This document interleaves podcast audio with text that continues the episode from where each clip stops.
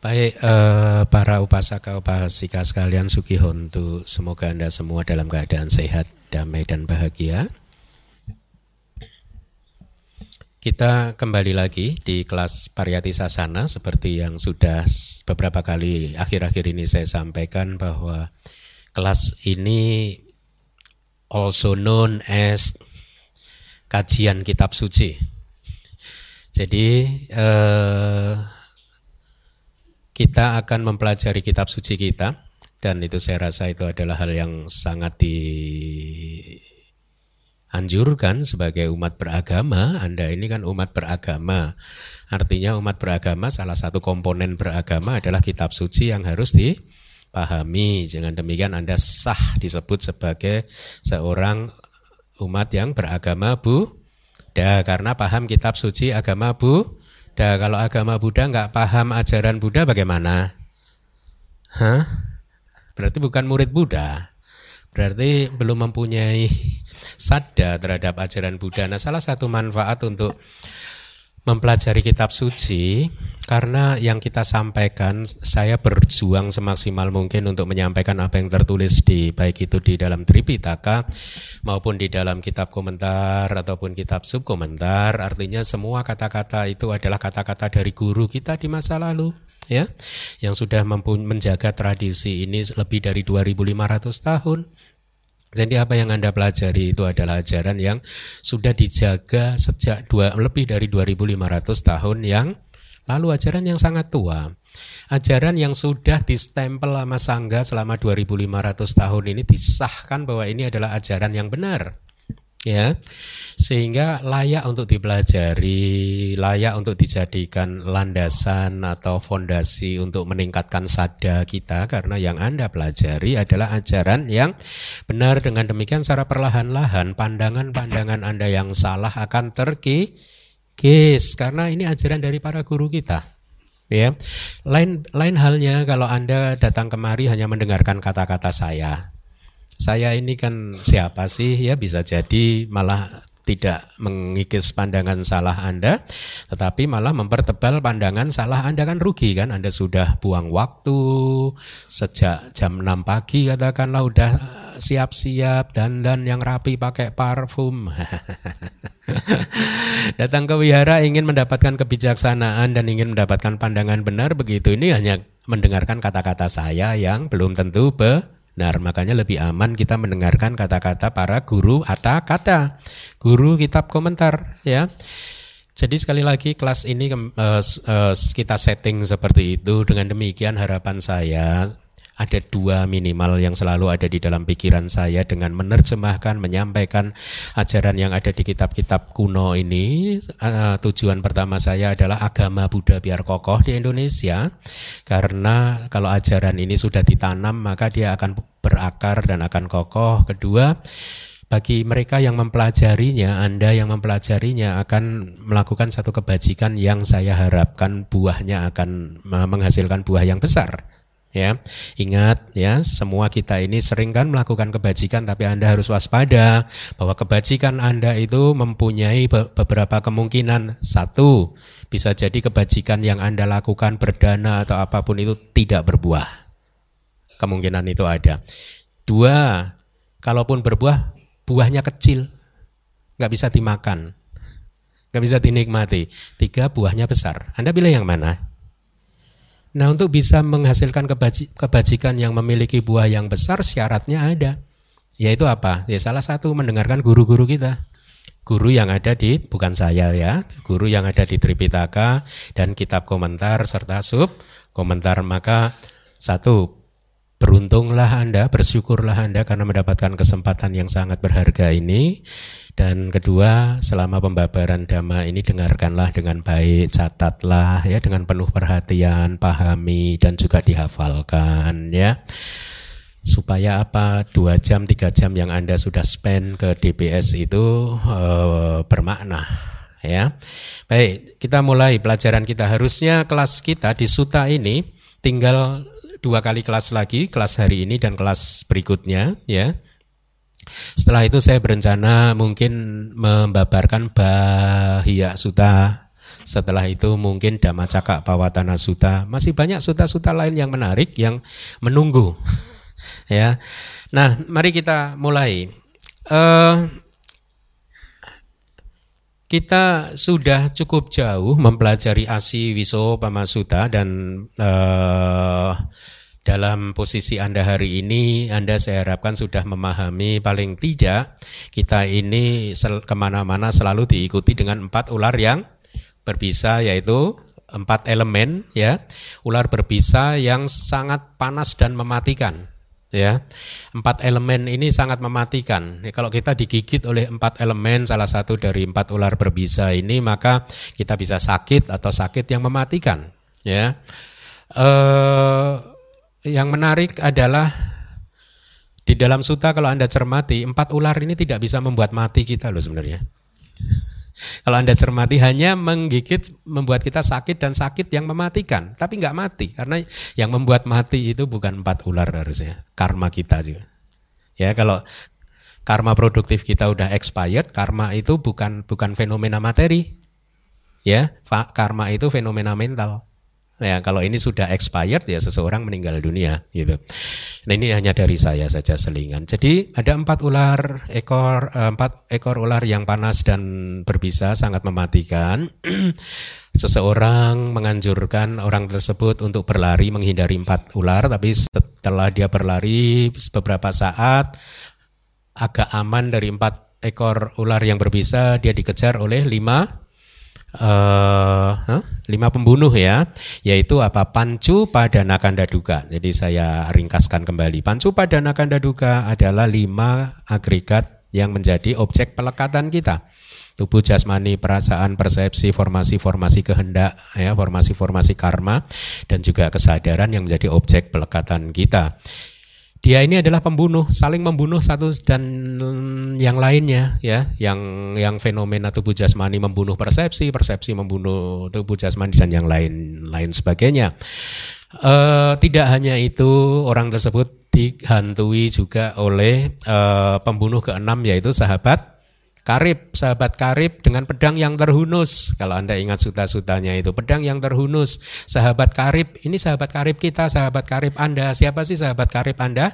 Nandi raga. Nandi raga, berarti nafsu dan kesenangan. ya Atau uh, kesenangan dan nafsu. Nandi dulu baru raga, kesenangan dan nafsu. Kesenangan dan nafsu ini sahabat karib kita. Setuju tidak sih? Coba Anda kan dari bangun tidur sampai tidur kan pengen untuk menyenangkan sahabat karib Anda kan menuruti permintaan sahabat karib Anda kan kesenangan dan nafsu kan. Nah, hati-hati sahabat karib Anda itu membawa pedang terhunus yang setiap saat sahabat karib ini bisa memenggal kepala siapa pun. Begitu dia beraksi maka kepala terpenggal. Kepala terpenggal ini adalah perumpamaan untuk kebijaksanaan. Jadi setiap kali kesenangan dan nafsu itu muncul, ingat kebijaksanaan sedang terpenggal ya. Kemudian tidak hanya sahabat karib ini, uh, kemudian dia berlari ketika menemukan satu desa yang kosong, ya. Tapi setiap kali dimasuki semuanya kosong, ya. Rumah atau kutinya kosong, bejana kosong, semuanya kosong. Ya, kemudian tiba-tiba dia mendengar ada enam gerombolan perampok. Ya, jadi ini ini satu pasang enam uh, desa yang kosong dan perampok. Desa yang kosong ini adalah perumpamaan tentang enam landasan indriawi internal bukan eksternal. Yang internal itu artinya apa? Yang ada di dalam diri kita masing-masing yaitu landasan pengindra atau indriawi mata, telinga, hidung, lidah, tubuh dan batin. Semuanya ini sebenarnya kayak desa kosong. Kosong itu artinya apa? Bukan milik saya, bukan milik Anda. Itu juga bukan Anda atau bukan uh, saya dan bukan diri atau bukan roh. Saya itu arti dari kosong. Dan itu adalah realisasi yang direalisasi oleh para Arya. Kalau Anda ingin tercerahkan sebenarnya Anda hanya harus merealisasi bahwa semuanya ini kosong. Artinya bu, tubuh jasmani dan semua yang ada pada Anda itu bukan milik Anda, bukan Anda dan juga bukan roh Anda atau bukan diri Anda, ya. Nah, desa yang kosong ini diserbu oleh gerombolan perampok. Gerombolan perampok yang menghancurkan desa ini adalah perumpamaan untuk enam landasan indriawi eksternal ya yaitu objeknya landasan indriawi internal objeknya mata apa ya objek mata objek bentuk ya. Sehingga mata bisa melihat objeknya telinga apa? Suara objeknya hidung apa? Ganda atau bau objeknya lidah apa? Rasa objeknya kulit peraba ini apa? Objek sentuhan objeknya batin apa? Ya pikiran dhamma ya. Eh, objek-objek pikiran. Nah, mereka inilah yang disebut gerombolan perampok, enam gerombolan perampok. Dia yang merampok desa. Artinya objek-objek tersebutlah yang sebenarnya merampok enam landasan indriawi tadi yang membuatnya akhirnya memunculkan penderitaan kalau kita bereaksi secara negatif. Nah, kemudian si saya rasa kelas minggu lalu sampai di situ ya tentang uh, enam gerombolan perampok. Mari kita lanjutkan kelas kita. Sekarang ketika mengatakan gerombolan perampok desa dan seterusnya, beliau sedang menunjukkan kemiripan landasan indriawi eksternal dengan gerombolan pencuri desa. Tadi sudah saya sampaikan, ya. Eh, itu adalah objek-objek dari enam landasan indriawi internal. Selanjutnya, Sehubungan dengan hal tersebut, ketika merampok desa, para pencuri melakukan lima perbuatan. Ya, jadi saya rasa ini dari saya ya karena di, di sub komentar juga tidak menceritakan apa pun. Lima perbuatan ini adalah mewakili objek-objek dari lima panca indera sih, panca indera ya, yang batin tidak termasuk. Ya. Pertama-tama, para pencuri akan mengepung desa, kemudian membakarnya. Mereka mengeluarkan suara yang keras. Kemudian, orang-orang sambil membawa barang-barang milik mereka yang berharga meninggalkan desa ya. Jadi kemudian siapa pun yang ditemui oleh gerombolan perampok desa tadi di kalau di kitab e, tikanya di mendapatkan pukulan hingga berjatuhan. Ya, orang-orang siapa pun yang bertemu dengan perampok dipukul hingga berjatuhan. Selanjutnya setelah orang-orang pada berjatuhan, mereka mengikat orang-orang yang sehat, sisanya kalau yang sakit sudah hampir mati ditinggal begitu saja. Tapi yang sehat diikat ya. Kemudian dibawa oleh mereka pulang ke rumah mereka untuk menjadikan dijadikan sebagai budak ya. Jadi ada yang dijadikan budak. Ini perumpamaan juga yang menarik ya. Anda ingat-ingat dulu nanti akan dijelaskan di belakang Sehubungan dengan hal tersebut, desa yang dikepung oleh gerombolan perampok desa dan dibakar hendaknya dipahami seperti kemunculan kobaran api kilesa ketika objek-objek telah tiba dalam jangkauan enam pintu. Artinya hati-hati, setiap kali enam landasan indriawi internal Anda menerima objek yang tiba dalam jangkauan. Ini kalau bahasa abidama itu begitu. Objek itu harus tiba di dalam jangkauan landasan indriawi supaya terjadi proses mengenal mengenali objek. Contohnya, sekarang Anda mengenali saya sebagai objek mata Anda kan? Kenapa Anda bisa melihat? Karena saya sebagai objek mata Anda itu berada di dalam jangkauan indera mata Anda, landasan indriawi mata Anda.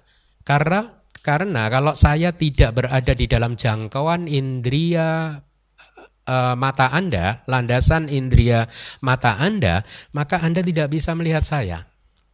Ya. Contohnya ada mungkin ada umat yang berada di uh, ruko sebelah yang dikatakanlah meja reception.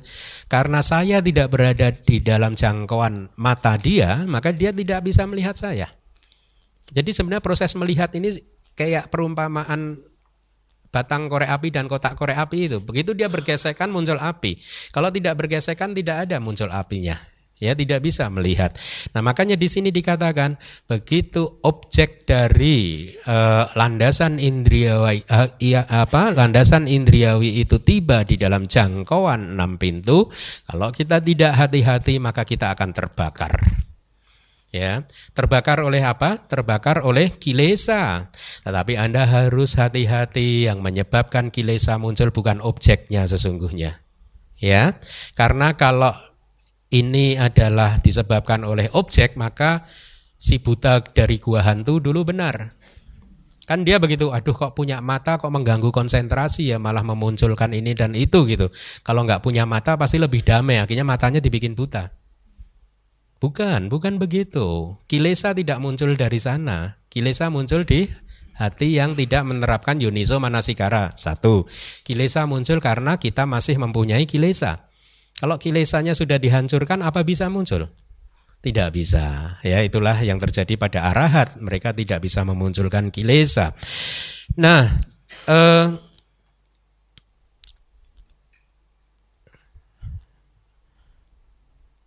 Iya, jadi Anda harus pahami proses melihat, proses mendengar, proses mencium bau dan seterusnya melalui enam landasan indriawi tadi hanya bisa terjadi kalau ibarat batang dan uh, kotak korek api bergesekan. Hanya atau itu adalah perumpamaan hanya bisa terjadi kalau objek berada atau masuk ke dalam jangkauan dari landasan indriawi yang terkait. Mari kita lanjutkan.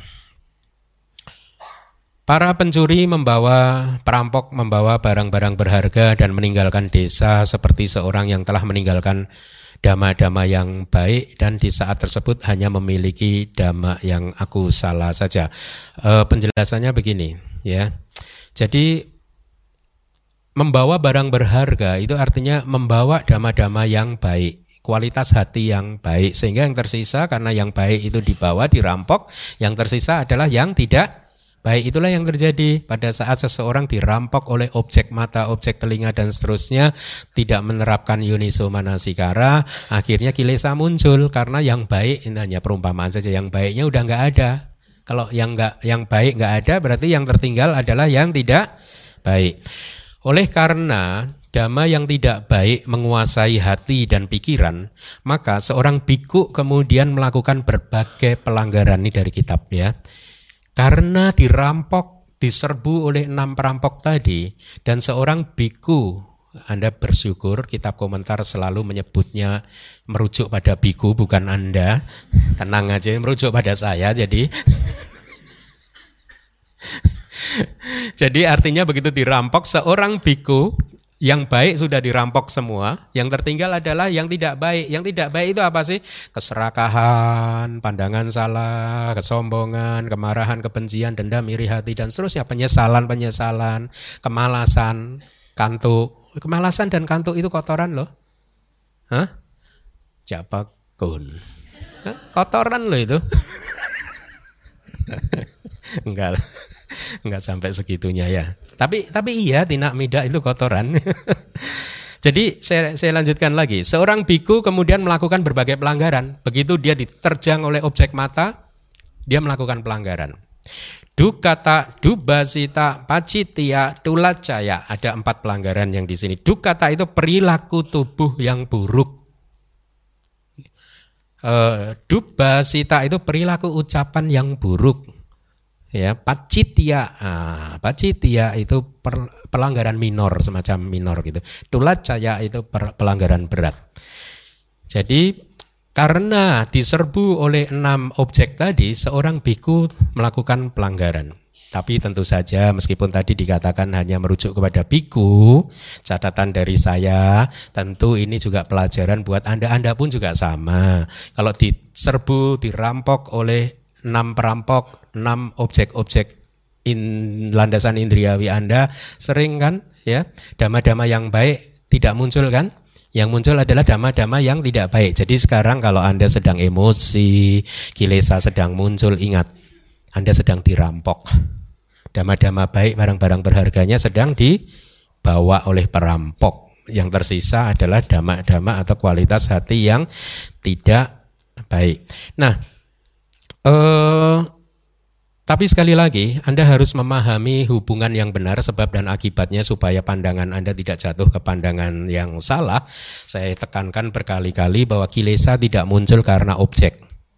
Ya, kilesa muncul begitu kita melihat objek, kita lupa untuk menerapkan yoniso manasikara, tidak menerapkan perhatian penuh terhadap objek, tidak menerapkan perhatian penuh terhadap pikiran yang melihat ke objek, sehingga akhirnya kilesa muncul karena kalau Anda menerapkan yoniso manasikara maka kilesa tidak muncul.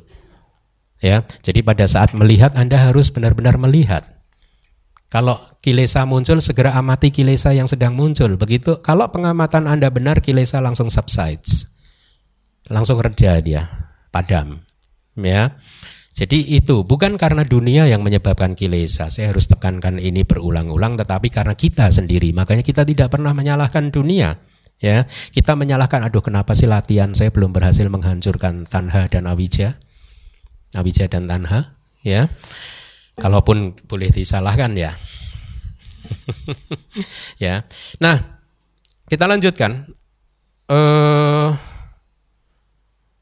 setelah penduduk tadi dipukul, dan dia terjatuh itu seperti bahasa palinya asa manakalo artinya momen ketika biku palsu setelah melanggar peraturan para jika. Jadi seorang biku itu ada empat peraturan yang kalau dilanggar dia otomatis bukan biku.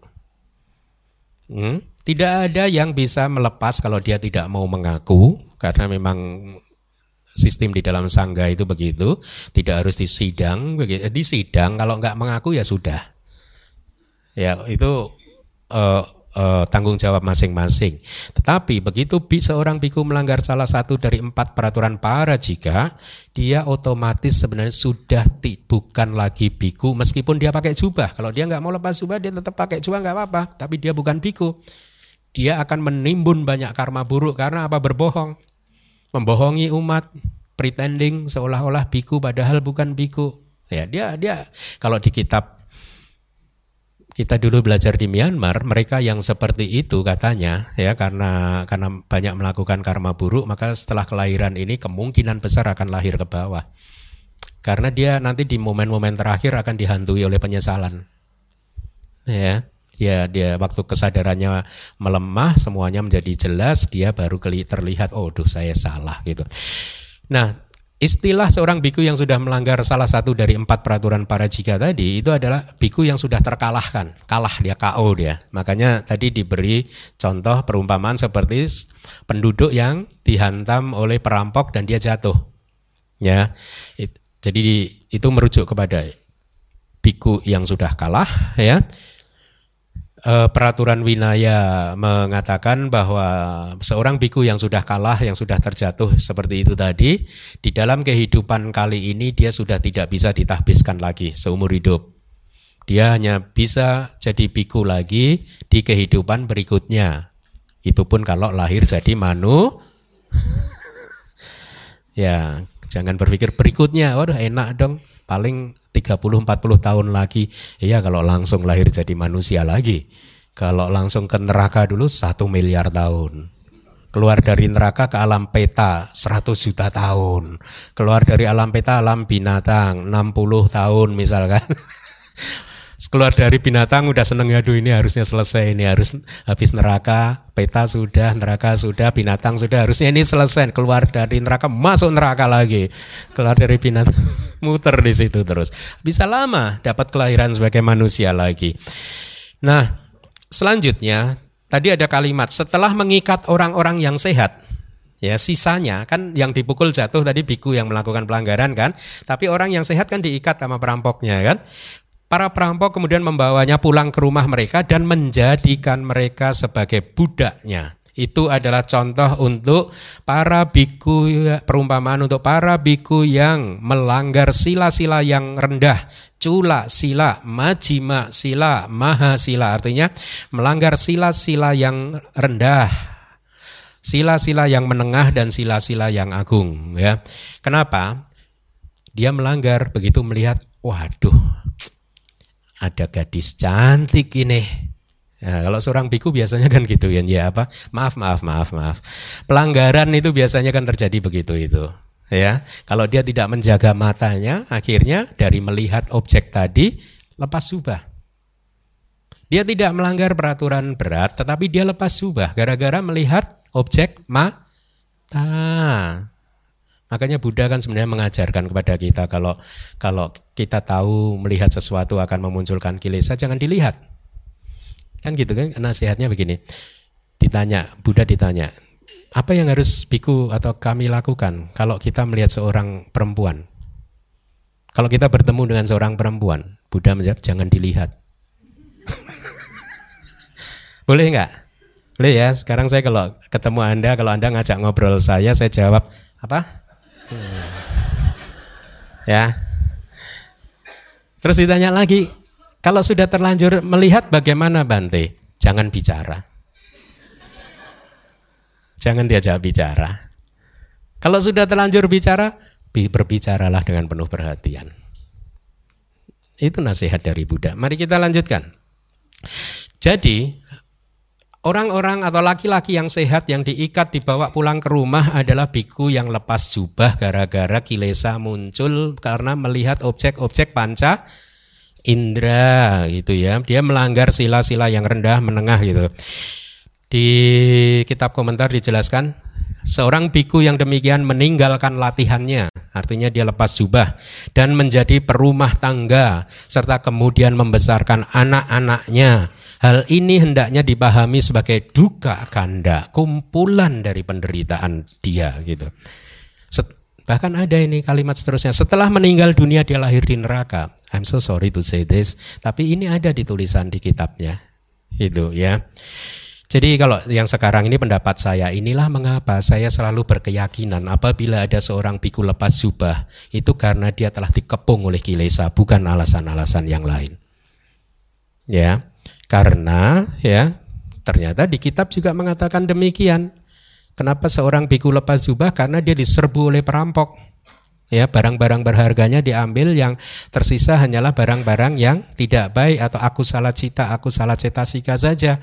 Sehingga akhirnya yang membuat dia terbakar oleh kilesa-kilesanya sendiri dan itulah mengapa kemudian dia lepas jubah. Ya. Kesimpulannya apa?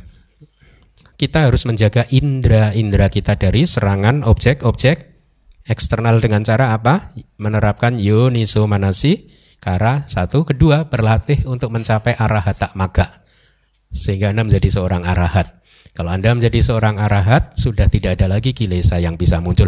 Baru setelah itu anda boleh melanggar sila. Sebelum jadi arahat jangan. Ya, kenapa? Karena setelah jadi arahat semua perbuatannya tidak menghasilkan bu. Wah, pelanggaran perbuatan buruk boleh Anda lakukan setelah Anda jadi arahat. Sebelum jadi arahat jangan dilakukan, oke? Okay? Ya, baik. Kita lanjutkan.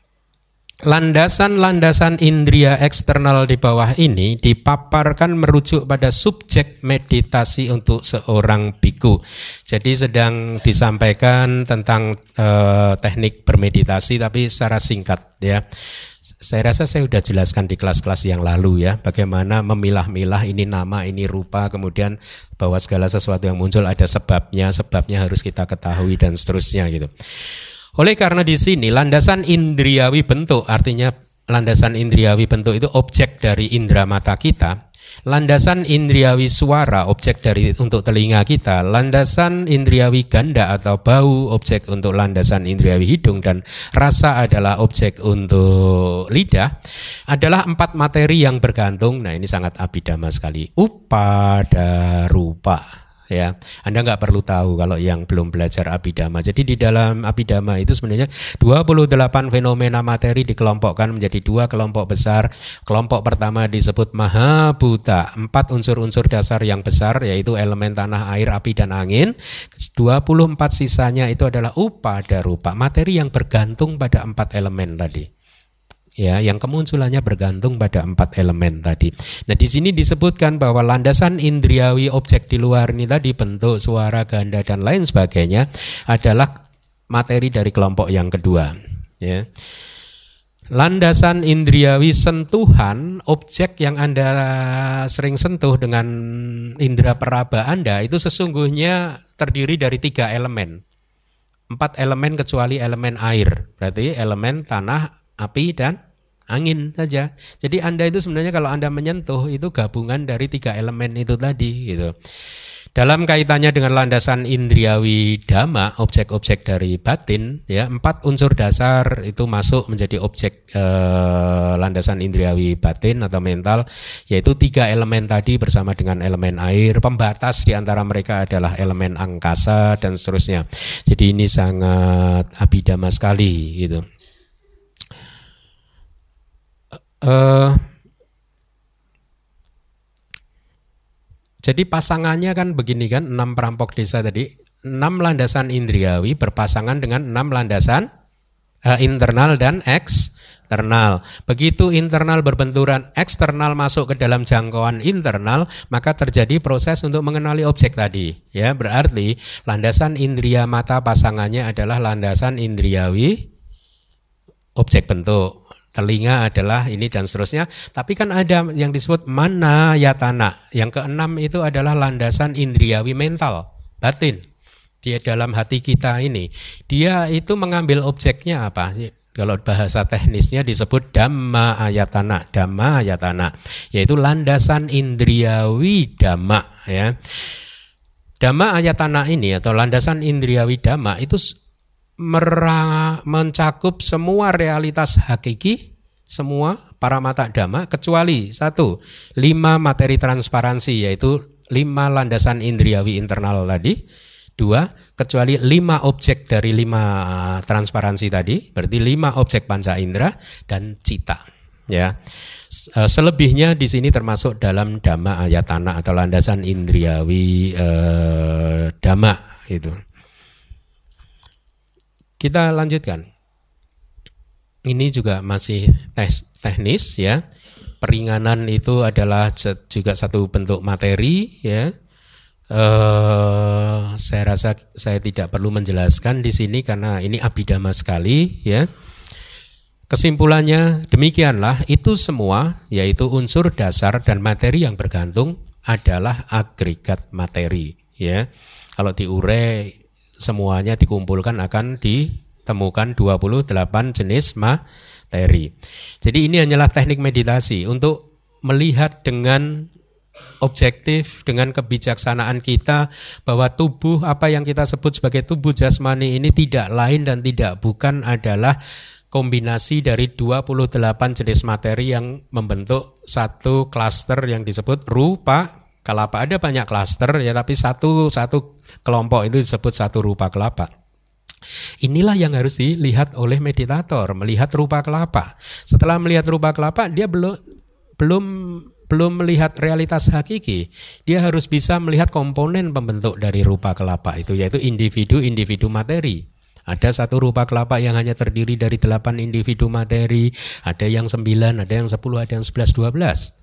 Ya, Nah, eh, itu yang harus dilihat individu-individu materi itu. Pada saat yogi ketika bermeditasi sudah bisa melihat individu-individu materi di dalam klaster-klaster atau kelapa-kelapa itu tadi, maka dia dikatakan sudah melihat fenomena rupa atau materi. Tapi meditasi tidak berhenti di sana. Setelah dia melihat fenomena rupa, dia harus melihat wedana kanda. Ya, dia harus benar-benar bisa melihat lima agregat yang lain. Ya, jadi perasaan dan lain-lain yang muncul disebabkan oleh oleh objek tersebut adalah empat agregat non materi. Jadi secara teknis begini, ya, secara uh, Apabila Anda sedang bermeditasi, kemudian ada satu memori muncul Anda melihat katakanlah uh, uh, atau ada objek mata uh, objek bentuk membentur di mata, ya. Anda akan diminta oleh guru untuk menganalisa fenomena benturan ini tadi. Ya. Dan kemudian Anda akan mempunyai satu pemahaman pada akhirnya bahwa ini adalah semua terdiri dari fenomena materi saja ya.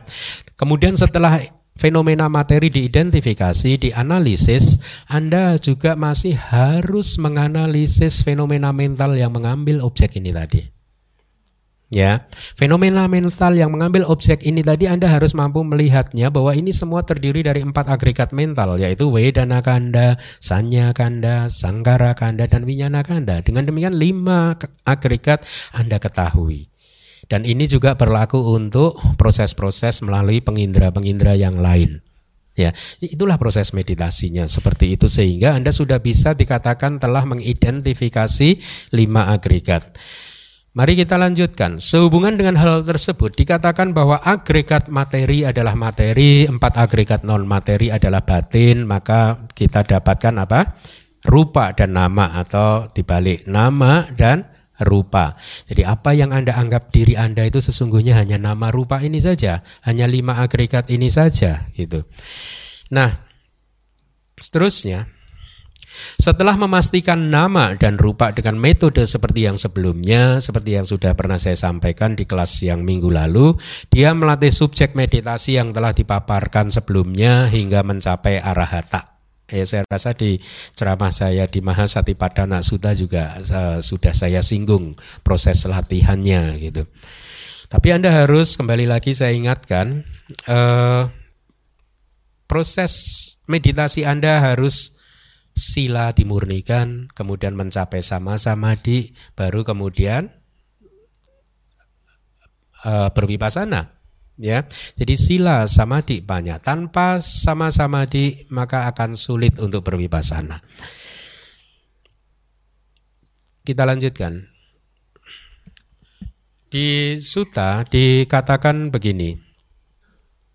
Setelah laki-laki tadi lari meninggalkan desa, ya, meninggalkan gerombolan perampok desa, dia berlari, kemudian dia melihat samudra ya dengan airnya yang sangat uh, luas gitu ya, uh, ya, air yang sangat luas kalau Anda masih ingat di kelas yang awal itu adalah sebutan untuk empat banjir. Apa saja empat banjir itu masih ingat? Di Oga Tarana Sutta penyeberangan banjir. Kamoga, Bawoga, Didoga, Awijoga. Banjir kesenangan indriawi, kemudian banjir eksistensi, banjir pandangan salah, banjir, ketidaktahuan. Empat inilah yang disebut banjir. Walaupun empat sesungguhnya realitas hakikinya hanya tiga, yaitu apa? Loba, titik, dan moha. Ya hanya tiga. Nah sekarang di kitab komentar di slide dikatakan disebut sebagai banjir karena di sini mengandung arti sebagai sesuatu yang menjauhkan seseorang dari pembebasan atau dalam arti sulit untuk diseberangi ya. Banjir kesenangan indriawi mudah diseberang, uh, diseberangi enggak sih? Hmm? kalau anda sedang menikmati kenikmatan kenikmatan sensual diserbu banjir mudah untuk diseberangi tidak, ya. Kalau Anda ingin menjadi ingin itu, ingin menjadi ini, ingin menjadi itu, sedang diserbu oleh banjir eksistensi, mudah diseberangi? Tidak. Kalau Anda masih punya pandangan salah, semua banjir itu tidak mudah diseberangi, ya. Dan semua banjir itu menjauhkan diri, menyeret kita untuk menjadi semakin jauh dari pembebasan. Pembebasan atau kebebasan itu pencerahan, ya. Kalau kita tidak bisa keluar dari banjir, maka kita tidak akan pernah mencapai pantai seberang. Nah, ya, itu maksudnya. Selanjutnya, setelah menguatkan tekad, jadi laki-laki tadi begitu melihat samudra dia e, menguatkan tekad, ya. Setelah itu perumpamaan, setelah memenuhi pengendalian diri melalui sila, saya akan mencapai arahata. Jadi ini tekad seorang seseorang yang ikut retret biasanya begitu. Ya, kalau Anda ikut retret, Anda bertekad kan untuk mencapai maga, pala dan nibana kan? Ya, itulah uh, perumpamaan seseorang yang sedang berdiri di pantai sebelah sini yang melihat di hadapannya ada samudra yang luas, dia bertekad ingin menyeberangi, ya. Itu adalah perumpamaan seseorang yang katakanlah mau retret, mau bermeditasi, setelah memurnikan silanya, dia kemudian memunculkan tekad saya akan berjuang untuk mencapai maga, pala dan nibana. Gitu. Lihat kalimat berikutnya. Dengan bergantung pada kalyana mita, dia mampu menyeberang. Ya. Dan juga disebabkan karena adanya usaha yang benar. Jadi demikianlah dikatakan bahwa banjir itu sangat sulit untuk diseberangi ya. Walaupun begitu tugas kita adalah untuk menyeberanginya. Sesulit apa pun tetap banjir tersebut harus kita seberangi. Berikutnya, kita diperkenalkan dengan terminologi baru, identitas atau bisa disebut sebagai identitas diri. Bahasa palinya sakaya. Ya, biasanya ditambah dengan titik, sakaya titik. Artinya pandangan salah tentang identitas diri gitu. Ya, apa sih identitas diri? Inilah pelekatan kita, ya, pandangan-pandangan salah kita terhadap tubuh jasmani dan juga uh, nama kanda, agregat mental. Kita sering mengidentifikasikan tubuh jasmani ini sebagai diri kita. Ya tidak. Makanya kalau pada saat terluka kita menangis. Oh, diri saya terluka. Padahal hanya tubuh jasmani saja. Atau ada orang yang mengidentifikasikan dirinya sebagai perasaan. Hmm? Atau ada yang mengidentifikasikan sebagai agregat-agregat yang lain. Ada 20 pandangan salah tentang identitas diri, ya. Yang masing-masing itu berkaitan dengan lima agregat. Berarti 20 bagi 5 berapa anak-anak? 4. Masing-masing agregat ada empat variasi ya. Diri adalah pemilik tubuh jasmani diri ada di dalam tubuh jasmani tubuh jasmani ada di dalam diri dan seterusnya. Kemudian yang lain juga begitu. Akhirnya ketemu 20 variasi pandangan salah tentang identitas diri. Inilah belenggu pertama yang harus dihancurkan. Karena ini adalah sumber penyakit. Ya. Uh, saya sudah sampaikan belum tentang Sakaya Didik minggu lalu bahwa kenapa kilesa muncul? Sudah ya kayaknya minggu lalu ya. Karena Sakaya Titik, sudah belum minggu lalu? Belum ya? Saya akan coba. Seingat saya sudah. Tapi oke, okay, saya saya sampaikan lagi. Atau mungkin ke pada momen yang lain ya. Begini, saya akan sampaikan bahwa Sakaya Titik ini adalah sebenarnya belenggu ibaratnya kartu domino efek apa sih Efek kartu domino, Anda tahu efek kartu domino? Kartu yang disusun sedemikian rupa, dia berdiri tegak. Begitu salah satu disentuh jatuh, yang lainnya ikut jatuh. Sesuai gilirannya, menunggu gilirannya. Nah kita ini juga mempunyai banyak sekali kilesa, 10 kilesa, 10 belenggu ya yang kesemuanya itu tersusun sangat kokoh berdiri sangat kokoh seperti efek kartu domino tadi dari efek kartu domino ini mana yang harus kita sentuh, mana yang harus kita jatuhkan terlebih dahulu. Yang harus kita jatuhkan terlebih dahulu adalah pandangan salah tentang identitas diri ini tadi. Ya, karena begitu identitas diri ini berhasil kita hancurkan, maka sejak kehancurannya kilesa-kilesa yang lain akan meredup, meredup, meredup, meredup. Tidak ada kelahiran yang kedelapan buat mereka yang sudah menghancurkan identitas diri. Mereka yang sudah menghancurkan identitas diri ini disebut sebagai seorang sota mana tidak ada kelahiran yang kedelapan ya. Jadi identitas diri kalau Anda mengidentifikasikan tubuh jasmani dan mental Anda itu sebagai Anda, maka itulah sumber penyakit. Sumber munculnya kilesa ya. E, sebenarnya akarnya adalah di awija dan tanha, tetapi ini adalah efek kartu domino tadi yang harus dijatuhkan terlebih dahulu. Ya. Saya beri contoh, kalau Anda kenapa identitas diri ini bisa membangkitkan kilesa? Kalau ada seseorang marah-marah terhadap orang lain, Anda marah nggak? Jengkel nggak? Nggak dong ya. Orang lain lah, urusan dia lah, jangan ikut-ikut lah. Gitu.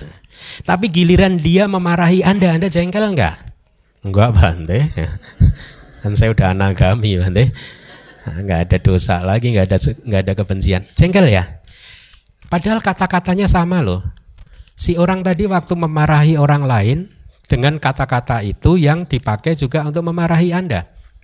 Kenapa pada saat dia marah terhadap orang lain Anda nggak jengkel, tapi pada saat dia marah pada Anda Anda jengkel? Karena pada saat dia marah kepada orang lain yang dimarahi adalah bukan saya. Pada saat dia memarahi saya, yang dimarahi adalah saya. Tuh, Anda memberi identitas pada itu. Ya toh? Sumbernya adalah identitas. Coba seandainya Anda bisa pakai remote control atau ada switch on and off-nya atau ada switch kayak dipindah-pindah itu loh kayak lampu kadang menyala di sebelah kiri, kadang menyala di sebelah kanan gitu ya. Giliran misalkan pada saat pada saat orang tersebut menyala marah kepada orang lain, Anda switch lampunya nyala ke sebelah kiri, identitasnya ada di Anda. Begitu orang lain memarahi Anda, switch ke kanan, identitasnya ada pada dia. Anda nggak marah lagi loh.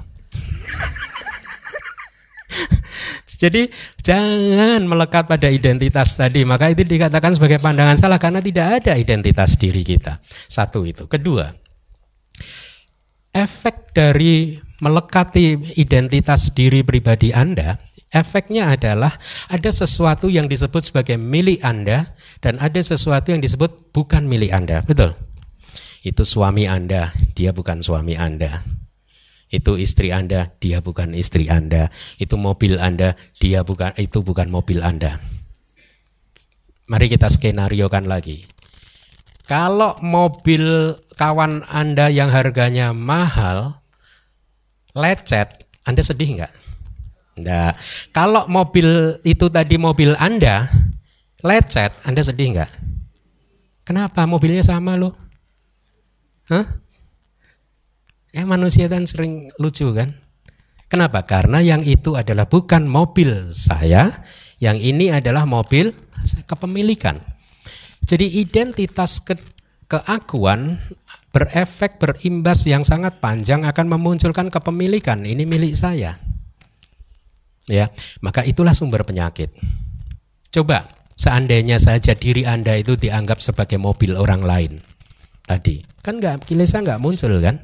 Tapi gara-gara Anda mengidentifikasikan itu sebagai milik saya, maka kilesa muncul. Betul ya. Nah, makanya di sini identitas diri ini harus dihancurkan pertama-tama. Pantai dekat kalau di sutanya itu si laki-laki yang berlari tadi mencapai pantai ya dengan samudera yang sangat luas digambarkan bahwa pantai dekat artinya pantai yang di mana dia berpijak itu sangat berbahaya dan menakutkan. Tapi di seberang samudera ada pantai seberang yang merupakan Nibana. Nah, pantai yang tempat dia berpijak itu yang berbahaya dan menakutkan itu apa? Identitas diri yang kita ceritakan tadi. Masing-masing dari kita mempunyai identitas diri kita masing-masing yang menjadi sumber pemantik munculnya kilesa-kilesa kita. Itulah yang pertama harus dihancurkan melalui meditasi kita. Tidak bisa hanya dengan mendengarkan ceramah dhamma. Anda harus menganalisa seperti yang tadi sudah saya sampaikan. Anda harus bisa menganalisis materi kemudian nama, mental atau batin, ya. Nah, identitas diri ini berbahaya dan menakutkan karena efeknya seperti yang tadi saya simulasikan tadi. Semua kilesa muncul karena identitas diri ya. Dan juga apa semua yang menjadi milik dari si diri itu tadi. Betul ya. Nah eh, selanjutnya identitas atau itu bahasa palinya bisa juga disebut identitas diri sakaya existing body bahasa terjemahannya ya tidak lain dan tidak bukan adalah lima agregat di tiga tingkatan dan gabungan dari mereka adalah yang disebut batin dan jasmani. Jadi identitas itu tadi sesungguhnya hanyalah batin dan jasmani. Tetapi putu jana orang yang belum tercerahkan makhluk duniawi memberi identitas batin dan jasmani tadi sebagai diri mereka dan kemudian berkepanjangan ada sesuatu yang menjadi milik diri mereka padahal sesungguhnya hanyalah batin dan jasmani. Makanya pengetahuan-pengetahuan kitab suci itu penting sekali. Seperti yang tadi di awal saya sampaikan karena dengan pengetahuan kitab suci Anda akan mendapatkan pandangan yang benar, Anda akan mendapatkan ajaran yang benar sehingga dengan demikian pandangan salah Anda akan perlahan-lahan melemah atau terkikis dengan demikian pada saat Anda ikut retret akan cenderung lebih mudah untuk mengendalikan atau bahkan menghancurkan pandangan-pandangan salah tersebut. Demikianlah di sini diawali dengan pembatasan batin dan jasmani dia mengembangkan subjek meditasi hingga mencapai tingkat kesucian arahata. Ini mengenai teknik meditasinya tidak disampaikan dengan detail karena di kitab komentar juga disarankan kalau kita ingin mengetahui tekniknya dengan detail, kita disarankan untuk membaca kitab Wisudi Maga. Di dalam uh, kelas yang lalu, ya juga sudah disampaikan bahwa kalau pantai dekat di mana kita berpijak saat ini itu disebut identitas diri, ya, maka pantai seberang disebut sebagai nibana gitu ya. Untuk menyeberang seseorang memerlukan rakit. Rakit itu adalah apa? Sebutan untuk jalan mulia berunsur delapan. Artinya, kalau kita ingin mencapai nibana, kita membutuhkan rakit yang disebut jalan mulia berunsur delapan, yaitu pandangan benar dan seterusnya gitu. Nah, oleh karena Nibbana adalah seperti pantai jauh dari samudra yang luas, yang bebas dari ketakutan dan aman dari empat unsur-unsur dan lain-lain, maka dia eh, eh, di suta dikatakan pantai seberang yang aman dan bebas dari bahaya dan seterusnya begitu ya. Jadi itu penjelas, penjelasannya. Ada sedikit tambahan dari saya, walaupun Anda harus pahami di Nibbana tidak ada nama dan rupa. Maksudnya tidak ada cita, cetasika, kesadaran, faktor-faktor mental dan materi yang tadi atau selama ini sudah kita bicarakan. Walaupun tidak ada cita, cetasika dan materi, tidak ada fenomena mental dan juga fenomena materi di dalam nibbana, nibbana disebut sebagai nama, sebagai fenomena mental, tapi bukan fenomena mental yang selama ini kita kenal cita Anda, kesadaran Anda dan faktor-faktor Eh, kes, dari kesadaran Anda bukan ya. Nibbana adalah fenomena mental yang berbeda dengan yang kita punyai saat ini. Sehubungan dengan hal tersebut, seperti halnya seorang yang berdiri di pantai sebelah sini yang dekat, yang berbahaya, berharap untuk menyeberang samudera yang luas, setelah tinggal untuk beberapa hari di pantai sebelah sini, kemudian dia membuat perahu perlahan-lahan ya, sambil kadang-kadang bermain-main dengan bermain-main menggunakan air di lautan ya. Uh, dia masih belum menaiki perahunya ya sambil ini dia masih bermain-main dan tidak menaiki perahu dengan seperti itu dia mencapai kehancuran tanpa pernah naik ke perahu jadi ini perumpamaan tentang seseorang yang pariyatinya masih tersedia. Ya, teori-teori di dalam kitab masih tersedia. Kemudian guru yang merealisasi juga masih ada kan saat ini. Masih banyak di muka bumi ini para bante yang merealisasi nibana masih banyak. Gurunya tersedia, guru teori tersedia, guru meditasi tersedia, ya. Petunjuk untuk mempraktekkan sila juga masih bisa dibaca, petunjuk untuk mempraktekkan samadhi juga masih di, bisa dibaca, petunjuk untuk mengembangkan kebijaksanaan juga masih dibaca, tapi dia hanya bermain-main saja di air. Ini adalah perumpamaan seseorang yang tidak memanfaatkan keuntungan-keuntungan tadi dia berhenti di pantai seberang sini hanya untuk bermain-main saja, mengejar keduniawian yang sering saya katakan hanyalah sebagai fata morgana saja. Dia tidak muncul niat untuk menyeberang ke pantai seberang. Ya, kadang ada kejadian ada orang yang ingin menyeberang ke pantai seberang tapi Anda larang. Jangan. Contohnya saya. saya boleh nggak? Hah? Nggak bisa jawab. Nanti nanti. Aduh. Ada loh yang gitu ya. Temennya mau menyeberang, jangan dulu dong, gitu, jangan, itu. Hmm, kami belum ini, gitu. Katanya nanti katanya. Nanti keburu tua. Jadi lihatlah perumpamaan ini. Semuanya tersedia tapi, tapi dia tidak menyeberang. Kok guru kata-kata tahu Anda ya? Ya, dia kok bisa menulis ini emang Anda pernah ketemu beliau dulu? Kayaknya ini bercerita pada Anda ini. Iya. ya. Nah, enak-enakan aja udah berhenti di Pariyati. Masih mending sebenarnya kalau berhenti di Pariyati. Ada yang Pariyati enggak udah berhenti aja dia. Gitu. Hah? didorong-dorong nggak bisa-bisa juga ya. Kenapa?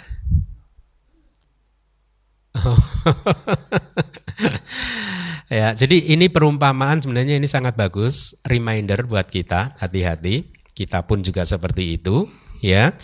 Kita sedang berada di pantai sebelah sini, ya. Di seberang ada lautan, sebenarnya rakitnya tersedia. Tapi kita malah bermain-main air, bermain-main banjir-banjir tadi itu. Ya, hati-hati. Ini reminder untuk kita semua. Nah, mari kita lanjutkan. Di dalam suta ada kalimat setelah dia membuat rakit, orang tersebut berusaha dengan tangan dan kaki kan? ya. Jadi itu adalah sebutan untuk usaha awal. Jadi kita semua harus mengerahkan usaha awal untuk eh, apa? menyeberang. Ya, harus bertekad. Oke, saya Desember nanti ikut retret DBS. Ya. Tek, tek, tekad itu harus diucapkan. Itu namanya usaha awal. Ya, kerahkan dan harus ikut. Ya. Ini kemarin daftar ditolak Bante. Maaf, kapasitas terbatas. Berarti Anda belum beruntung. Salah siapa? Salah siapa kalau Anda ditolak? Hah? Salah DBS atau salah karma? Nah, DBS nggak salah kan? nah, jadi tadi ya Orang tersebut setelah mempunyai rakit, dia berusaha menyeberang dengan menggunakan usaha tangan dan kaki, menyeberang melampaui sang Brahmana yang berdi, uh, setelah menyeberang, setelah melampaui samudra, ya, sang Brahmana berdiri di atas tanah yang tinggi. Artinya Brahmana di sini adalah uh, perumpamaan untuk seorang arahat berdiri di atas tanah yang tinggi di pantai seberang. Dia sudah mencapai nibbana, ya. Jadi tadi usaha awal itu usaha itu sebenarnya energi. Energi di sini energi fisik atau energi mental? Hah? Ya, kalau energi fisik gampang. Anda tinggal fitness terus. Energinya meningkat. Wah, Desember saya mau ikut retret Bante. Bagus. Supaya energinya kuat, saya mulai hari ini setiap hari ke fitness Bante. Bukan. energinya bukan energi itu, biar bukan energi otot tapi energi mental ya. Supaya apa? Tekad Anda tidak jatuh. Semangat Anda tidak jatuh, ya niat baik Anda tidak hancur, maka energi energi mental harus kuat karena di dalam abidama disebutkan perumpamaan energi atau wirya itu seperti tiang penyangga ini loh. Kolom-kolom ini loh. Ya. Karena ada kolom maka bangunan ini berdiri tegak. Betul. Kalau nggak ada kolom bangunan ini nggak bisa berdiri tegak. Betul. Demikian pula dengan wirya. Kalau Anda tidak punya wirya, semua kehidupan spiritual Anda jatuh. Ya. Guru saya mengatakan, tidak ada yang bisa tidak ada yang tidak bisa dicapai merujuk kepada nibana, pencapaian nibana. Ya, kalau wirya kita kuat. Ya, jadi maju terus pantang mundur. Tapi bukan energi fisik kembali lagi. Ini adalah energi mental, ya. Nah, selanjutnya yang dimaksud tadi kan setelah dia naik perahu berjuang dengan menggunakan tangan dan kaki ya. Men, akhirnya dia menyeberang melampaui samudra sampai di pantai seberang gitu ya. Setelah menyeberang dia pergi ke pantai eh, seberang berdiri di atas dataran yang tinggi. Ini adalah sebutan untuk arahat ya. Ada catatan lain dari saya. Buat mereka yang tidak pernah naik ke perahu meskipun mempunyai perahu ya maka dia tetap saja di pantai sebelah sini tanpa pernah berlayar sedikit pun. Artinya apa? Dia tetap menjadi seorang pudujana yang belum tercerahkan yang akan terus berputar-putar di dalam lingkaran kelahiran dan kematian. Selanjutnya demikian pula halnya ketika seseorang berharap untuk menyeberangi samudra kilesa. Dengan berpikir saya masih muda ketika sudah tua saya akan membuat rakit GMP8. Nah ini Anda kok tahu ya? ini padahal ditulis ribuan tahun yang lalu Anda belum lahir kok tahu ya? Bahwa Anda ini akan begini. Bukan karena memang inilah problem putu jana. Ya, ayo Pariyati, entarlah masih muda. Kewihara itu kan untuk orang-orang tua.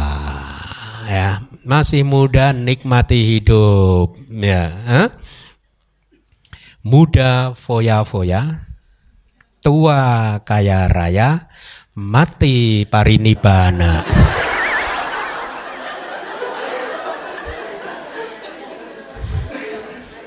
enak ya? Muda kena banjir terus. Mati parinibana gimana bisa? Ya bisa lah ya jadi ini begini ada saya kan masih muda ntar aja deh bikin rakit CMP 8 nya kalau udah tua maka seumur hidup selama masih muda dia tidak melakukan apa yang harus dilakukan kaitannya dengan menghancurkan papanca. Papanca itu adalah perkembangbiakan yang membuat lingkaran uh, yang membuat rangkaian kelahiran dan kematian memanjang. Kita ini masing-masing punya change, punya rangkaian kelahiran dan kematian. Kita sekarang udah lahir dan hidup. Tapi sebelum lahir dan hidup ini ada mata rantainya. Kita pernah mati dulu, ya. Kemudian pernah hidup mati hidup mati hidup di masa lalu sampai sekarang. Kayak kayak mata rantai begitu bersambungan terus. Nah papanca ini adalah yang membuat rantainya ini panjang. Artinya apa? Kita akan terus lahir mati lahir mati lahir mati. Apa itu papanca? Papanca adalah tiga. Satu pikiran yang menganggap etang mama ini milikku. Eso hamasmi ini aku. Eso meata ini diriku ini milikku, ini aku, ini diriku. Atau cetasika loba mana didik. Ini kalau tidak berhasil kita reda, tidak berhasil kita hancurkan, maka mata rantai lingkaran kelahiran, kematian, kelahiran, kematian ini akan makin memanjang. Hati-hati, samsara ini, lingkaran kelahiran dan kematian ini bisa jadi tanpa akhir. Anda jangan punya pandangan salah, tenang aja ntar kan lama-lama masuk nibana. Kalau khusus untuk nibana jurus saya lama-lama nggak berlaku. saya kan pernah menyampaikan kan jurus lama-lama kan. Aduh kuliah kok nggak rampung-rampung ya sabar. Ntar lama-lama pasti lulus ya. Kok usaha nggak sukses-sukses ya, usahalah terus sabar. Ntar lama-lama kan sukses sendiri. Tapi khusus untuk nibana tidak ada lama-lama. Sabar, lama-lama kan bisa. bisa tanpa akhir. Bisa berputar-putar terus. Ya, oleh karena itu kita harus tetapkan tekad sekarang mumpung gurunya masih banyak, teorinya masih tersedia bisa diakses, saya harus bertekad. Makanya saya selalu mendorong umat itu untuk minimal dalam satu tahun ikut 10 day retreat. Retreat 10 hari, minimal satu kali, semakin sering semakin bagus. Sebenarnya semakin panjang Anda ikut retreat semakin bagus. 10 hari itu syarat minimal. Kalau Anda bisa 10 minggu lebih bagus. 10 bulan lebih bagus lagi. 10 tahun pasti pasti sotapana. 10 tahun kalau enggak berarti padak parama.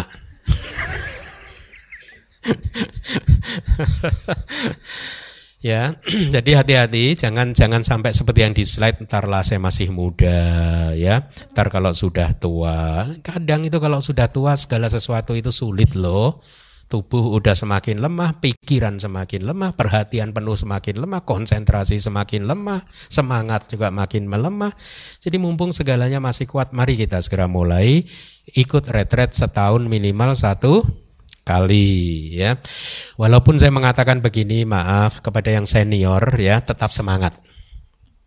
Ya, Anda yang sudah berumur ya, tetaplah semangat. Saya juga udah berumur kok. Saya sama dengan Anda.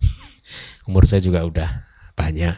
Ya, tetap semangat mumpung ada waktu untuk berlatih meditasi, ikut latihan meditasi. Ya, jangan menyerah. Mencapai nibana adalah efek sebab sebab baru bisa terjadi eh uh, efek atau akibat. Akibat baru bisa terjadi kalau ada sebab. Kalau Anda ingin mencapai nibbana, maka ciptakanlah sebab-sebabnya. Sebab-sebabnya apa? Pariyati, mempelajari pariyati, kemudian berlatih dengan tekun itu adalah sebabnya. Ya. Jadi itu yang harus kita lakukan. Kemudian dengan bertindak demikian, dia mencapai kebinasaan tanpa pernah mencapai usia tua. Nah, tadi menyambung yang tadi orang yang masih muda ya. Ayo kita ke DBS kajian kitab suci yuk. Yuk, mumpung ada pelajaran kitab suci bagus sekali. Ntar lah, kan ada di YouTube. Ntar lah kalau udah tua ini masih muda belajar kitab suci kayak mau mati aja. Eh, hey, mati tidak harus menunggu tua loh. Iya. Syarat untuk mati itu bukan usia tua, paham? Hmm? Yang muda mati banyak juga, ya. Jadi lihat, dengan bertindak demikian dia mencapai kebinasaan tanpa pernah mencapai itu, artinya meninggal tanpa pernah mencapai usia tua. Ya. Atau walaupun dia mencapai usia tua, dia tidak akan mampu melakukannya. Ya. Jangan memegang pandangan salah, ah parami masa lalu saya kan baik, pasti nanti saya akan bisa sendiri gitu.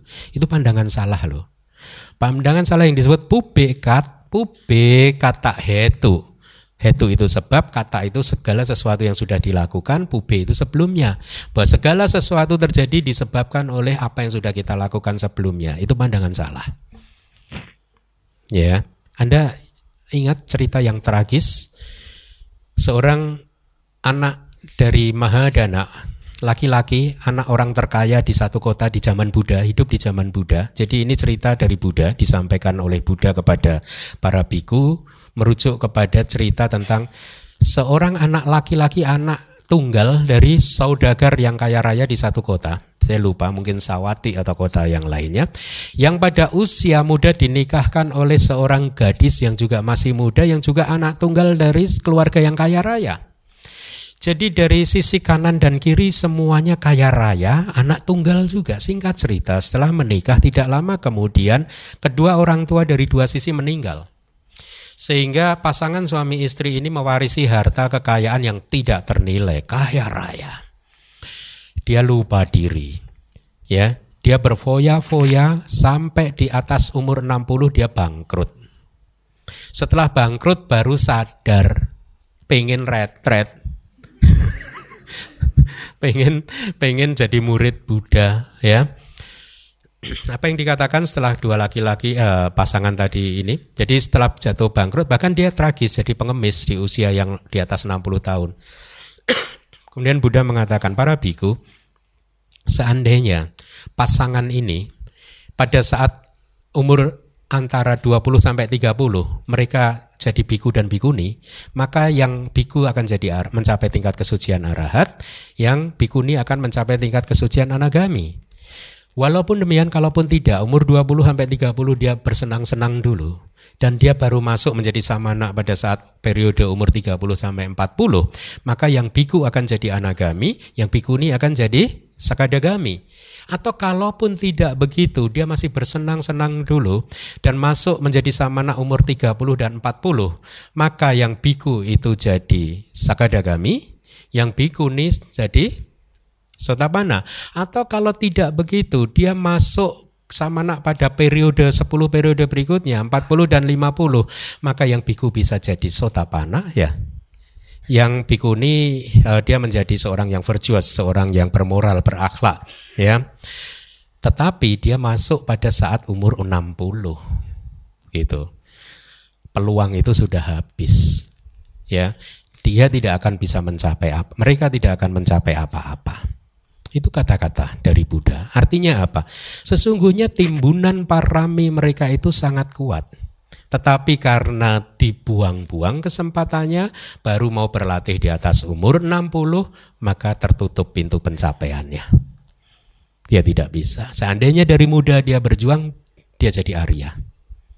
Ya, maka itu juga sama dengan kita. Ayo, mumpung kita ini harus segera kita usaha awal harus kita kerahkan, berjuang, belajar kitab suci, ya, uh, uh, apa, tanpa uh, jangan putus asa, jangan patah semangat. Ya, tadi malam juga saya sampaikan begini. Ini mungkin baik juga saya sampaikan kepada Anda.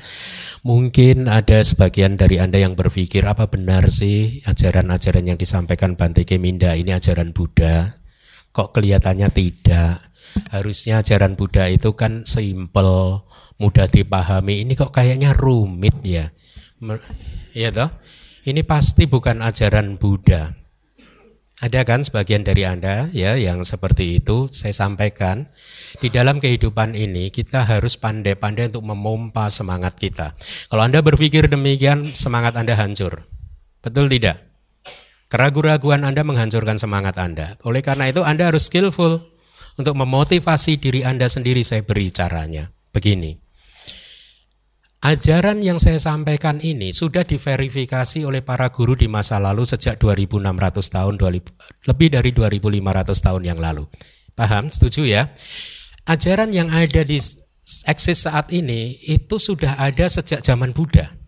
Berarti usianya sudah hampir 2600 tahun katakanlah. Ya, artinya sudah melalui proses 2600 tahun disetujui oleh para anggota sangga. Melalui konsili pertama disetujui, konsili kedua disetujui, konsili tiga disetujui, empat, lima setujui. Disetujui terus kan oleh para anggota sangga. Kemudian anda bisa memberikan angka kepada saya tidak? Selama 2600 tahun sampai hari ini atau 2500 tahun katakanlah sampai hari ini, berapa jumlah anggota sangga yang sudah pernah ada di muka bumi ini? Berapa? Katakanlah 100 200 juta? Ada ya? Ada, katakanlah ada. Oke, 200 juta. Berarti sejak 2500 tahun yang lalu sampai hari ini sudah ada 200 juta biku. Katakanlah ini hanya perumpamaan saja. Dan 200 juta biku itu ya sudah menyetujui ajaran ini. Ya. Kalau sekarang Anda berpikir ini ini emang ajaran Buddha kayaknya bukan. Coba Anda renungkan, seandainya ini bukan ajaran Buddha, masa 200 juta biku tadi satu pun gak ada yang tahu? Malah Anda orang Jakarta yang tahu? Hah? Lu masuk akal tidak sih? Ya. Jadi kalau sekarang Anda berpikir ini kayaknya yang ini bukan ajaran Buddha, congratulations, Anda brilliant. Karena 200 juta biku nggak ada yang tahu, baru Anda satu-satunya yang bisa menunjukkan ke dunia ini bahwa ini bukan ajaran Buddha. Ya, makanya sikap yang seperti itu sia-sia saja, ya. Tidak ada waktu untuk untuk untuk menelusuri ini. Kita punya sada saja terhadap ajaran Buddha yang sudah distempel oleh para anggota sangga sejak 2500 tahun yang lalu. Hidup ini sangat singkat, kita gunakan waktu sebaik-baiknya untuk perkembangan spiritual kita. Nah, mari kita lanjutkan.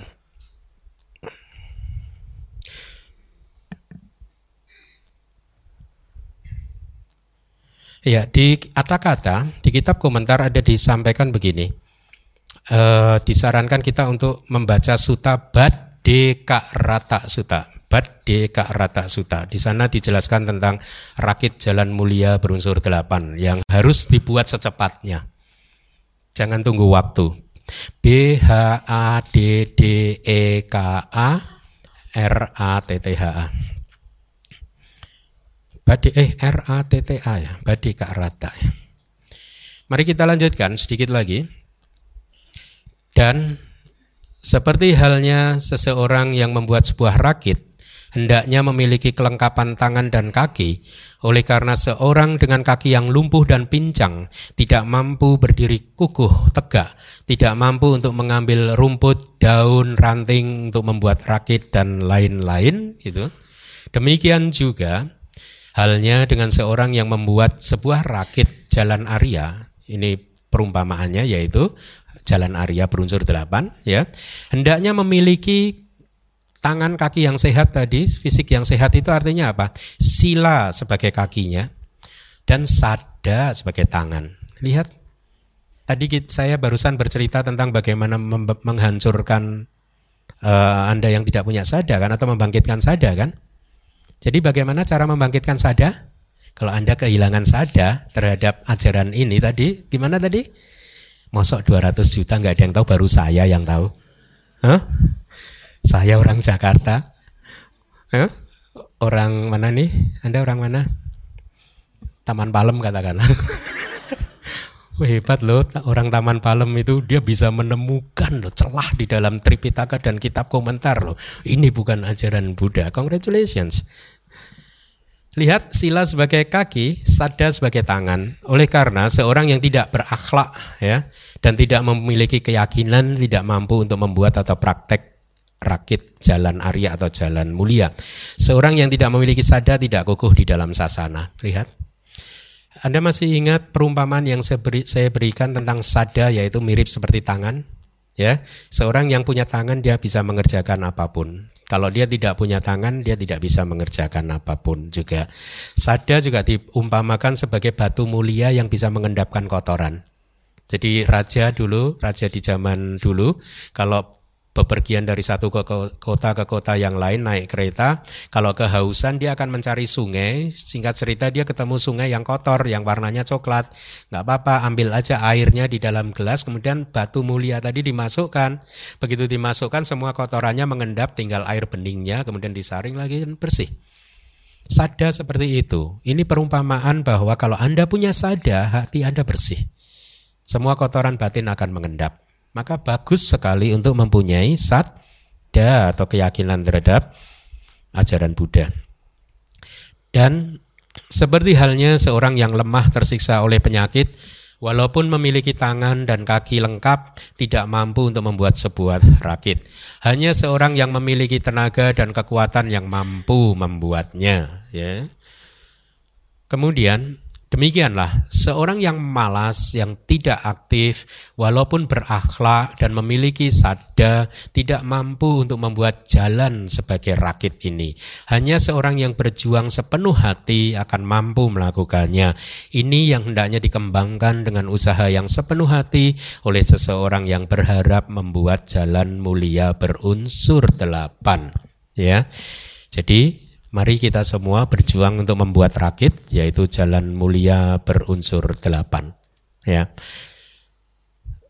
Eh, tadi di awal saya sampaikan, bahkan tadi malam juga saya sampaikan, eh, mirip-mirip dengan yang tadi di awal saya sampaikan, bahwa saya mempunyai tekad yang kuat, tentu dengan dukungan Anda dan DBS, untuk menerjemahkan kitab komentar dan kitab subkomentar. Dan ini pelajaran udah habis nih, ini tambahan terakhir dari saya. Bahwa kitab komentar dan kitab subkomentar harus diterjemahkan ke bahasa Indonesia. Ya. Eh karena keyakinan saya kalau kitab komentar dan subkomentar ini sudah diterjemahkan ke dalam bahasa Indonesia, maka satu, agama akan kokoh Kenapa agama kokoh? Karena semua orang sudah bisa mengakses ajaran di Tripitaka, kitab komentar dan subkomentar. Saat ini kan nggak banyak yang bisa mengakses, makanya agama nggak kokoh. Maksudnya agama nggak kokoh bagaimana Bante? Banyak orang yang tadinya umat Buddha sekarang keluar. Nggak jadi umat Buddha, satu. Banyak yang tadinya pakai jubah kemudian keluar lagi lepas jubah. Nggak kokoh kan? Tiga, banyak terjadinya perdebatan. Kalau ada di antara Anda di sini yang suka berdebat-debat tentang dhamma, coba Anda renungkan, kenapa Anda berdebat tentang dhamma? Coba kita renungkan bersama-sama. Kenapa terjadi perdebatan tentang dhamma? Tadi malam salah satu murid Abhidhamma bisa menjawab dengan tepat. Perdebatan terjadi karena masing-masing berpijak pada pikirannya sendiri-sendiri. Betul? Maka terjadi perdebatan. Tapi bayangkan, kalau kitab komentar dan subkomentar sudah diterjemahkan, ada perdebatan enggak? Nggak ada. Itulah yang terjadi di dalam kehidupan saya sebagai seorang biku sejak di Myanmar sampai hari ini. Saya tidak pernah berdebat. Kalau bertemu dengan kawan-kawan saya biku-biku yang lain tidak akan tidak pernah ada perdebatan. Yang ada hanyalah satu diskusi Bante, misalkan dengan Bante Wisuda. Bante Wisuda, bu, bukannya ini harusnya menerjemahkannya begini ya? Kok itu diterjemahkan begitu ya? Nah, nanti Bante Wisuda misalkan ada dua kemungkinan enggak kok Bante itu sudah benar kok yang Bante Keminda ini mungkin kurang tepat grammarnya atau apa-apa-apa gitu atau sebaliknya gitu. Artinya diskusi atau katakanlah itu dianggap sebagai perdebatan itu hanya akan terjadi hanya mencakup tentang cara men menerjemahkan bahasa palinya. Ya tidak bermain dengan pikirannya sendiri-sendiri. Nah sekarang kan kita kalau nggak punya acuan yang sama itu kan anda masing-masing punya pikiran Anda sendiri. Hmm? Katakanlah ini contoh sederhananya.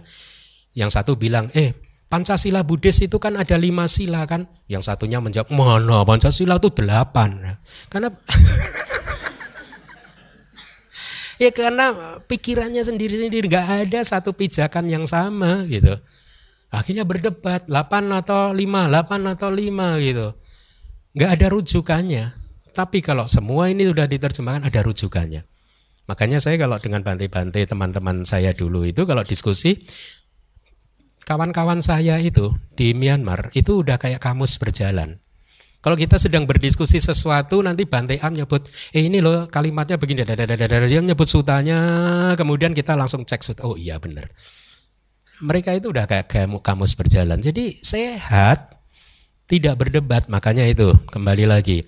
Kitab komentar dan subkomentar harus diterjemahkan ke dalam bahasa Indonesia supaya agama kokoh tidak terjadi perdebatan-perdebatan Kedua juga begitu kitab komentar dan subkomentar sudah diterjemahkan ke bahasa Indonesia artinya semuanya terakses oleh Anda semua maka Anda sudah bisa memahami dharma dengan benar. Dengan demikian Anda akan bisa melakukan kebajikan dengan semakin benar lagi. Kebajikan yang semakin benar akan memberikan buah yang semakin besar. Saya agak tersentak pada suatu hari kunjungan Bante Wisuda yang terakhir kemarin itu agak tersentaknya begini dalam hati edge gitu. Meskipun saya mengerti apa yang dia sampaikan dalam bahasa lain, tapi ungkapan dia itu sangat brilian menurut saya begini. Jadi waktu bercerita tentang uh, uh, uh, kondisi umat-umat uh, Buddha yang hanya katakanlah uh, tip, karena tidak paham ajaran Buddha dengan benar, mereka hanya berpikir bahwa ajaran Buddha itu hanyalah mungkin eh, apa mem, maaf nih ya membaca parita atau pai-pai atau apa pun gitu ya mereka melakukannya dengan sada yang kuat gitu. Nah ditanya sama Bante Wisuda, nah kalau pas baca parita itu mereka paham artinya enggak? nah sekarang saya tanya, Anda kalau baca itu paham artinya enggak? Hah? Saya jawab, saya pikir rata-rata tidak paham Bante. Oh kasihan ya. Berarti kebajikan yang mereka lakukan adalah kebajikan dua akar. Kebajikan yang tidak disertai dengan pengetahuan atau kebijaksanaan. Harusnya kebajikan itu tiga akar, disertai dengan tiga akar, yaitu A loba tanpa keserakahan, A dosa tanpa kebencian, dan A moha tanpa delusi. Artinya pengetahuan di sini, ada kebijaksanaan di sini. Tapi kalau Anda melakukan sesuatu tapi Anda sendiri nggak paham, maka kebajikan Anda itu tidak disertai dengan pengetahuan. Itu adalah kebajikan yang hanya disertai dengan dua akar saja. Kebajikan yang disertai dengan dua akar ini buahnya kecil. Hmm? Kalau mangga gitu baru mau berbuah kecil sekali ya udah jatuh, Anda mau ambil dimakan nggak bisa juga. Ya, nah makanya kembali lagi kitab itu harus diterjemahkan dengan pertimbangan-pertimbangan itu tadi ya. Uh, sebagai guru saya berterima kasih karena dengan adanya DBS ini akhirnya memberikan kesempatan kepada saya untuk mm, bekerja untuk itu ya meskipun saya juga tahu bahwa pekerjaan ini untuk bisa selesai saya katakan ya untuk bisa selesai menerjemahkan semua kitab komentar subkomentar dan sub sub komentar seribu tahun belum tentu selesai. Wah, ya. Kenapa saya memakai angka seribu tahun? Standar saya Myanmar. Myanmar hari ini sudah menerjemahkan semua kitab-kitab tadi ke dalam bahasa Myanmar. Sudah diterjemahkan. Jadi intinya di Myanmar itu kayak Anda udah terima buku kompilasi ceramah Sutanta saya tentang Suta. Itu kan membahas Suta sesuai kitab komentar dan subkomentar. Tapi kan baru empat Suta. Padahal Suta di Tripitaka ribuan. Itu baru Suta Pitakanya, belum Abhidhamma Pitakanya, belum Winaya Pitakanya. Ya, banyak sekali. Nah, Myanmar saat ini sudah punya itu bahasa lokal, tapi mereka melakukan ini prosesnya lebih dari seribu tahun yang lalu. Anda bayangkan saja, kalau angka seribu itu tidak masuk akal, coba Anda bayangkan. Hari ini aja kita belum memulainya loh. Jadi kalau kita katakan baru seribu tahun kemudian nanti ya, akan ada kitab-kitab seperti itu tidak berlebihan. Oleh karena itulah memandang pentingnya ini saya bertekad untuk sedikit-sedikit memulai pekerjaan itu ya dengan harapan nanti ada tim besar yang uh, bekerja juga untuk itu. Dan akhirnya di Indonesia agama kita menjadi kokoh karena kitab-kitab itu sudah diterjemahkan. Dan dengan demikian maka kebajikan yang Anda lakukan bisa berbuah besar. Harapan saya semoga Anda semua bisa mencapai maga pala dan nibbana secepatnya.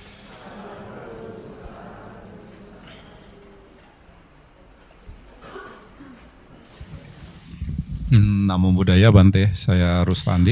Saya mau menanyakan yang pertama itu Bante mengenai uh, Pak Baja Upasampada ah, jadi biku. Yang jadi masalah gini Bante, uh, ada di tempat lain itu kita harus peserta itu harus juga bersedia untuk melepas hanya dua minggu untuk upah sampada. Melepas apa? Dua minggu. Oh, hanya dua minggu saja. Ya, hmm. hanya eh, dikarenakan sarananya tidak mencukupi. Hmm. Jadi hanya boleh dua. Hmm. Dua Jadi minggu. kalau seandainya mau lebih itu nggak bisa. Hmm. Jadi dibuat dua pilihan. Hmm. Kalau seandainya pengen lebih, ya nggak usah ikut. Tapi kalau mau ikut hanya boleh dua minggu. Hmm. Nah itu kemudian saya daftar saya ikut. Walaupun saya pengen lebih dari dua minggu. Nah karena itu salah satu persyaratannya harus disertai dengan keluarga. Keluarga harus soalnya dari sangga nggak mungkin menyuruh untuk lepas jubah. Jadi nanti mungkin keluarga. Itu saya pikir gini daripada enggak, walaupun begitu mendingan saya coba juga. Gitu Bante. Itu pandangan saya uh, nanti minta tolong Bante untuk hmm. dijabarkan. Maksudnya apa? Yang Anda perlu saya jelaskan yang mana? Uh, apa kan tadi Bante sudah bilang kalau kita lepas jubah itu salah satunya kan faktor yang lain itu Bante. Walaupun kita sebenarnya saya mungkin faktornya bukan dari saya dari luar. ya kalau itu ceritanya berbeda. Saya tidak merujuk kepada itu kan.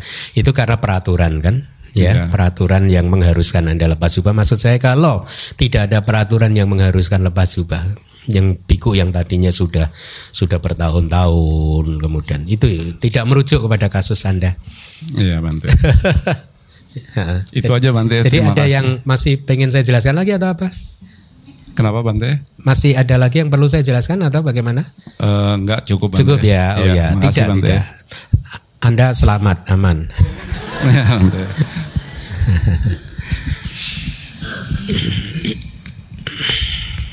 Uh, Namo Buddhaya Bante.